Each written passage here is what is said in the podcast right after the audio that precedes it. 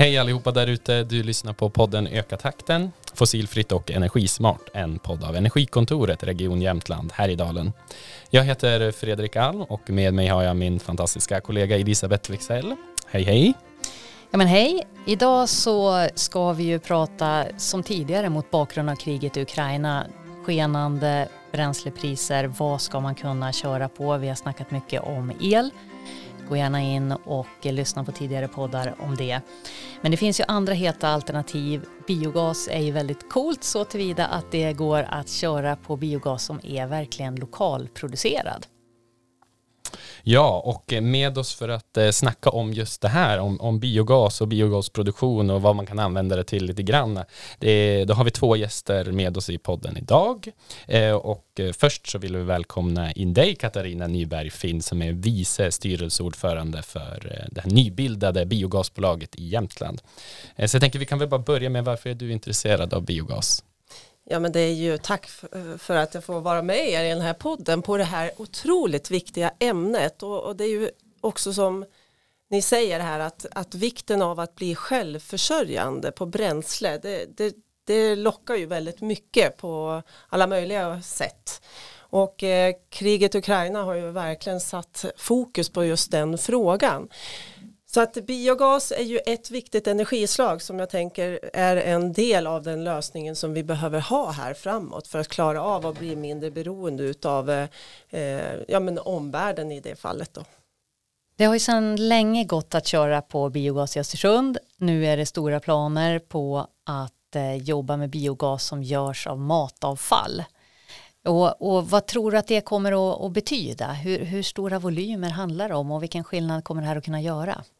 Ja men det kommer ju göra stor skillnad för eh, idag har ju exempelvis Östersunds kommun samlat in matavfallet men inte kunnat använt det då till att omvandla det till biogas. Och nu i och med den här nya lagstiftningen då som träder i kraft eh, och som gäller då att samtliga kommuner i hela landet behöver ta tillvara på det här matavfallet. Och eh, då har ju då kommunerna i Jämtlands län gått samman för att kunna satsa då på en biogasanläggning där man då samlar allt matavfallet i, i länet och kan då producera eh, biogas utav det. Och det här kommer ju att göra en, naturligtvis stor skillnad. Eh, det här lokalproducerade bränslet det räknar man faktiskt med ska räcka till 70 bussar per år och eh, som då kan gå 40 000 mil. Och anläggningen då beräknas då färdigt 2025 så det här är ju en otroligt spännande utveckling och kommer kunna göra stor skillnad att vi kan köra på lokalproducerat bränsle. Fredrik, du eh, kan ju rätt mycket om, om eh, biogas och det brukar ju pratas om två sorter, mm. eh, antingen flytande biogas eller komprimerad. Va, kan du dra lite kort vad skillnaden är där? Ja men precis, de som eh, har kännedom om, om biogastankstationen här nere i, i Göviken i Östersund och tankar där, där är det ju komprimerad gas Eh, och det är ju gas som är trycksatt till en viss ja, eh, nivå så att säga. Eh, och då kan man ju få i en viss mängd i en biogasbil till exempel eller en lastbil sådär. Men om man eh, kyler den här gasen istället och trycksätter den, då får man flytande biogas istället som har mycket högre energivärde och så kan man få i då mer i tankarna, men man måste ha specialbyggda liksom, fordon och tankar för, för det här ändamålet så att säga. Men eh, det betyder att man kan komma mycket längre också.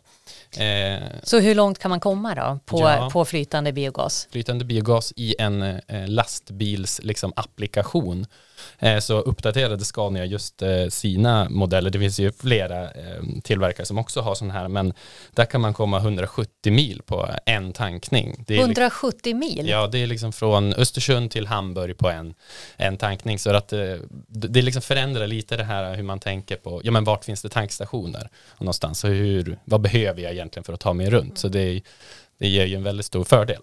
Ja men häftigt Katarina, eller vad säger du? Det är ingen räckviddsångest där? Nej, nej, nej, och, och, jag tycker det här är otroligt spännande. Nu är det ju så att eh, den ansökan som eh, biogasbolaget då har gjort i, gentemot Naturvårdsverket, den bygger ju inte på det, just den eh, lösningen då. Men den är ju som du säger Fredrik, den är ju så otroligt spännande och ger ju helt andra möjligheter. Och också förutom då räckvidden så kan ju vi också sälja det här på en större marknad om vi då vill. Så att eh, jag tycker att det lutar ändå mot att eh, gå på flytande för den ger ju en helt andra möjligheter även om det är en större investering men mm. på sikt så kommer vi nog tjäna på just att göra den investeringen. Mm. Okej, okay, så ni sitter här och väger och det väger snart över mot flytande biogas? Ja men det här är ju någonting vi behöver naturligtvis analysera och ha respekt för att det är en större investering så det här behöver ju hanteras eh, då av ägarkommunerna förstås. Eh, men, men jag personligen tycker nog att det lutar emot att vi satsar ändå på den flytande varianten för den ger ju förutom då räckvidden en helt annan marknad också för, för oss att kunna sälja det här vidare. Mm. Eh, om vi snackar lite om, eh, det, det, är ju enorma möjligheter som jag ser med den här anläggningen och vi kommer ju ha massvis med gas som eh, vi kan använda på ett jättebra sätt. Men vad är liksom utmaningen? Du säger att vi måste samla in matavfall. Hur får vi medborgarna att liksom lämna ifrån sitt matavfall på rätt sätt och hur, hur kommer vi jobba, eller ni jobba med det? Ja, och det där är viktigt för att det är en stor utmaning. Eh, som jag sa, Östersunds kommun samlar in matavfallet redan idag. Men när man gör sådana här plockanalyser och liksom i det brännbara så kan man konstatera att vi slänger fortfarande rätt så mycket mat. Mm även om vi har tunnan utanför dörren. Eh, 30% någonstans där eh, matavfall har vi faktiskt i det brännbara. Så det handlar ju om att vi måste, vi som medborgare behöver bli bättre på att eh, ta hand om vårt matavfall men det kanske är ändå något, om man ser att vart det går någonstans, att det får ett värde, då kanske man också blir mer medveten och blir bättre på att samla in sitt matavfall. Men det handlar ju också naturligtvis om informationsinsatser som behöver göras här då för att man ska se möjligheten och potentialen med, med matavfallet. Mm. För det är väldigt häftigt här som, om man tänker vad motsvarar en sån här mm. kompostpåse egentligen? Eh, har du någon tanke på liksom, i, i, hur långt kan man ja. komma på en Ja men precis, om du tänker dit, din påse matavfall, den faktiskt räcker i fyra kilometer för uh, din bil att ta dig. Det är liksom lite fascinerande. Fyra kilometer på en påse matavfall. Mm. Det blir nästan som Pippi Långstrump, man tyckte det var fascinerande när hon tankade bilen. Hon, men det kanske var med någon klister där va? Men, men nu kan vi stoppa matavfallet i tanken. Mm. Ja. det är lite hisnande både med det och med den här räckvidden på 170 80 mil. Men det finns ju ytterligare en fråga som säkert åkerier sitter och tänker på och det handlar ju om, om eh, vad kommer det att kosta att tanka? Som, som politiker, vad tänker du här? Kommer ni att, att hur, hur kommer priserna att bli? Finns det någon påverkansmöjlighet eller, eller kommer ni att sälja till högstbjudande och sen får de sätta vilka priser de vill? Ja, det här, är ju, det här arbetet har vi ju kan man säga precis påbörjat och den här analysen behöver ju också göras för det är klart att det här behöver ju vara konkurrensmässigt då gentemot andra bränsleslag såklart. Eh, vi vill ju få ha avsättning av den här biogasen, det vore ju tokigt om vi inte får det. Va? Så att eh, det, det, är ju någonting som vi behöver analysera och titta på och att vi får ett pris som också då är attraktivt förstås så att vi får den här viktiga omställningen för det är ju dit vi vill komma vi vill ju kunna använda den här lokalproducerade biogasen så mycket vi, som det bara går då i den lokala trafiken. Och där kommer ju också, eh, jag tänker vi funderar på bussupphandlingar, det är också en viktig aspekt att, att politiken där ser möjligheten med biogasen och i sina upphandlingar då i, av kollektivtrafik att man faktiskt också tar med det in när man då gör sina förfrågningsunderlag. Mm. Ja men för det är ju, för, ja, vi var inne på det, men hur får vi in alla resurser och hur, vad, vad gör vi med den här gasen egentligen sen? Nu snackar ju lite om kollektivtrafik. Hur, hur ska vi liksom jobba för att eh, eh, få upp ögonen för, liksom, för biogasen och vad den kan få, för, eller liksom bidra med för, för bra saker? Det, det, viktigaste delen här tycker jag att vi behöver se att här, om vi ska lösa de utmaningar vi st står inför eller är i när det gäller klimatomställningen, då behöver vi se en mix av olika energislag. Eh, just nu känns det som att vi bara går mot el mm. och, och, det är ju jättebra. Men det räcker inte utan vi behöver se liksom den här mixen och se det här som ett cirkulärt kretslopp någonstans. För samlar vi nu in matavfallet, vilket vi behöver göra, då ska vi naturligtvis omvandla det till någonting riktigt bra. Så att eh, där behöver vi både från politikens håll och, och vi som bor här också se att det är inte bara en lösning. Det kommer att vara många lösningar som krävs för att vi ska klara av den här omställningen. Och då har vi också vätgas som en väldigt intressant eh, del i den här lösningen. Och där är ju du i allra högsta grad involverad också som eh, ordförande för Inlandsbanan. Hur, hur liksom ser du, om du blickar framåt, hur ser du visionen när du tänker el, vätgas, biogas och tung trafik? Hur, hur tänker mm. du att det kan se ut 2030? Ja, 2030 då hoppas jag att eh, vi producerar vätgas eh, i inlandet och att eh, inlandsbanan blir då den som kan vara en viktig länk i, det här, i den här produktionen. Att också se till att den kommer dit den behövs. För vi bor ju i ett elområde som heter då SC2 där vi producerar mycket el. Och det finns behov i både Norrbotten nu och Västerbotten av ytterligare el för att klara av den omställningen med, med det gröna stålet. Kan vi då producera vätgas här i inlandet den 105 mil långa inlandsbanan som går då som en grön pulsåder genom landet att vi får använda det som någon form av ja, vad ska vi säga, en länk att dock inte producera för det är andra som kommer att göra det. Jag tänker att vindkraften kommer att vara en viktig pusselbit här men sen att man fraktar då använder järnvägen till att frakta vätgasen dit den behövs. Kan man tänka sig att det blir en nod även för den här biogasen för att få ut den till områden som mm. liksom ja, där det behövs? Precis. Mm. Och, och, jag var i samtal i, här i veckan med ägarkommuner till Inlandsbanan. Det är inlandskommuner som Dorotea, Arjeplog, Arvidsjaur och så vidare. De kommer ju också behöva samla in den här matavfallet. Mm. Men, men de har ju inte samma muskler som en stor kommun som Östersund att, att göra det vi kan göra här. Men kan vi då också använda inlandsbanan till att frakta matavfallet till anläggningen här i Östersund? Ja men då blir ju det väldigt intressant även för dem och det är ju någon, ja, det är tankar som även de går igång på.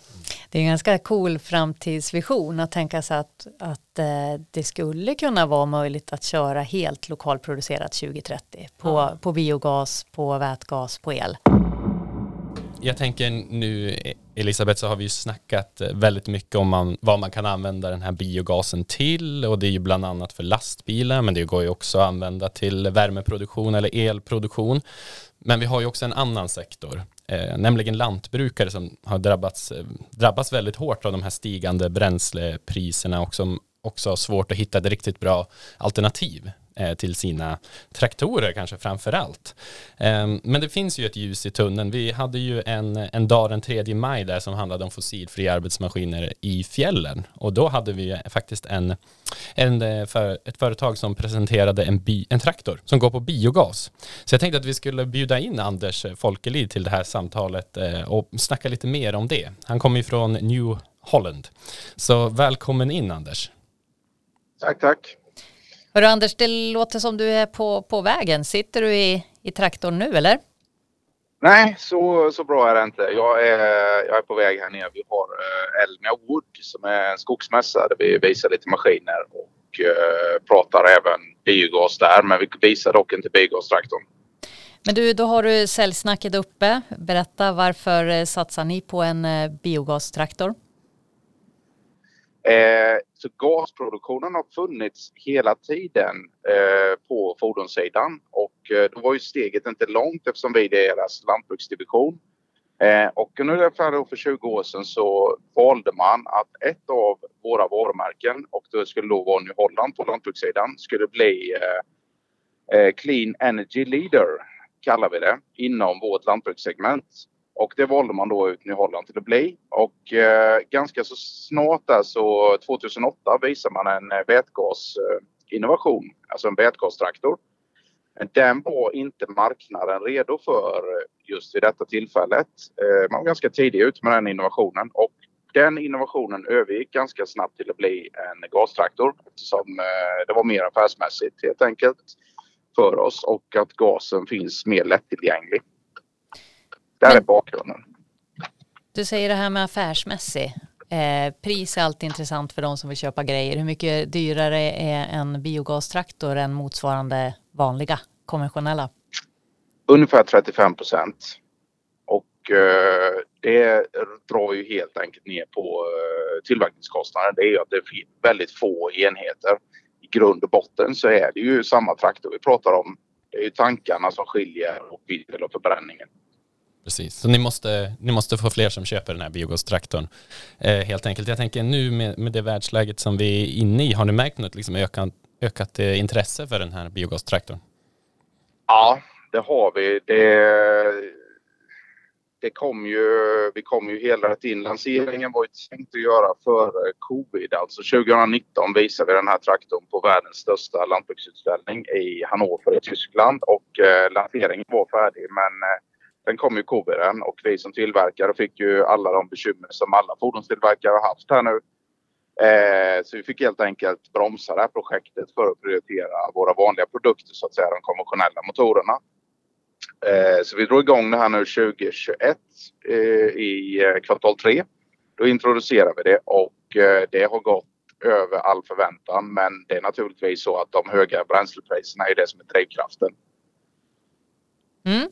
Du ska få rulla vidare mot din eh, mässa, men eh, innan vi skiljs åt Anders, eh, vad, vilka uppdrag tänker du att, att en sån här biogastraktor passar för? Alltså, vi har ju sagt så här, den här, det är lite det som är paradoxen i det hela. Vi vänder oss egentligen inte till lantbruket i första hand i detta, utan vi vänder oss till städer och eh, kommuner, offentliga förrättningar. För det är ju så att man måste följa gasnätet med en gasprodukt. Eh, I eh, de flesta städer, så vitt jag förstår det, även i Östersund, så finns det alltså en eh, gaspipeline, det finns en gasproduktion. Eh, och där finns ju gas att tanka och där passar traktorn in. Eh, det är svårare att lösa det på landsting, landsbygden i dagsläget, får vi säga. Så att vår primära kundgrupp här, det är kommuner, entreprenörer som kör åt kommuner och städer. Just det. Ja, det är ju väldigt eh, intressant aspekt att ha med, ha med för oss när vi fortsätter vårt arbete också, Elisabeth, om vi ska promota den här biogastraktorn, tänker jag. Jajamän, mm. Citytraktorn. Tack så mycket, Anders. Ja, tack. Eh, ja, eh, det är väldigt spännande med den här biogastraktorn tycker jag. Eh, du Katarina, när du hör liksom vad man ska använda den här traktorn till. Han säger det är inte primärt lantbruk kanske utan det är mer liksom i stan där det finns gas, liksom infrastruktur. Hur, hur, vad får du för tankar? Kan vi jobba liksom för att få in den här biogastraktorn i Östersund på våra gator och röja snö eller vad ser du framför dig? Ja men precis, det är exakt så. Eh, det vet vi ju allihopa vad vi ser på vintern. Snöröjningen, ja men varför inte biogas? Det används ju traktorer överallt. Vi har ju också privata aktörer som eh, har nytta av biogasen och som också tittar nu på den här omställningen inom ja, men, eh, tunga fordon och så vidare. Så att det, avsättningen den, mm. den finns och behövs. Mm. För jag tänker också på det ett problem som han pratade om lite grann där, alltså man, man, man kan ju bara använda det här där det finns tankinfrastruktur. Och just nu så finns det ju bara i Östersund, det är ju två ställen. Men hur får vi ut liksom tankinfrastrukturen i de andra liksom, eh, kommunerna? För jag tänker att de vill väl också ha tillbaka någonting av, de ger matavfall, får tillbaka en tankstation kanske? Mm. Ja, och det är ju någonting vi behöver titta på. Jag tror ju inte att vi kommer kunna börja där utan infrastrukturen kommer ju byggas upp i Östersund och i närheten av anläggningen. Men sen hur vi då hanterar då, om det vill säga att det blir flytande gas, då finns det ju alla möjligheter också att transportera det mm. ut till kommuner och eh, ja, men övriga landet. Så det är väl klart att vi behöver titta på det, att vi får till en infrastruktur som fungerar över hela länet mm. i, de, i de här delarna. Vi har pratat om flera grejer här som är rätt häftiga med biogas, att det faktiskt går att köra på en liten kasse sopor och flera kilometer, att det går att det är så bra räckvidd, 170 mil på de senaste modellerna. Ser du några ytterligare fördelar? jag ser också att det här är ju en viktig del i, i tillväxten. Vi kan ju vara lite avundsjuka ibland på de industrisatsningar nu som sker i Norrbotten och Västerbotten. Eh, och, men vi har ju samma goda förutsättningar även här att, att kunna då attrahera den gröna omställningen och då tänker jag mot industrier och övriga aktörer. Och eh, vi har ju inte riktigt fått den här etableringen som vi nu ser då sker i övriga delar av norra Sverige. Men, men jag vill mena att här har vi ett, dels ett jobb att göra men vi har de bästa förutsättningar som man ändå kan få. Vi, har den, vi, har väldigt, vi producerar otroligt mycket el här. Det är grön el vi pratar om. Kan vi också då attrahera de här industrierna att etablera sig här då får vi också en tillväxt och vi får också arbetstillfällen som ja, eh, vi får helt enkelt en utveckling, en positiv utveckling med fokus då på den gröna omställningen. Ja, mycket häftiga grejer med biogas och om du som lyssnar funderar på biogas antingen för att eh, producera eller för att köra på så kan du kontakta mig, Fredrik eller våra kollegor på Energikontoret så hjälper vi dig gärna vidare. Oss får du tag i via Energikontoret, att Region JH eller också så besöker du vår hemsida regionjh.se energikontoret. Och eh, det här avsnittet har ju finansierats av EUs regionala utvecklingsfond, eh, Region Jämtland Härjedalen, Länsstyrelsen Västernorrland, Region Västernorrland och eh, Biofuel Region. Nästa avsnitt det kommer att handla om någonting som har möjliggjort den här stora satsningen på biogas i Östersund, nämligen statligt stöd via Klimatklivet och då så kommer man att kunna få tips och tricks för allting som gäller laddning. Alla som vill sätta upp laddare av olika slag, var med oss och lyssna då.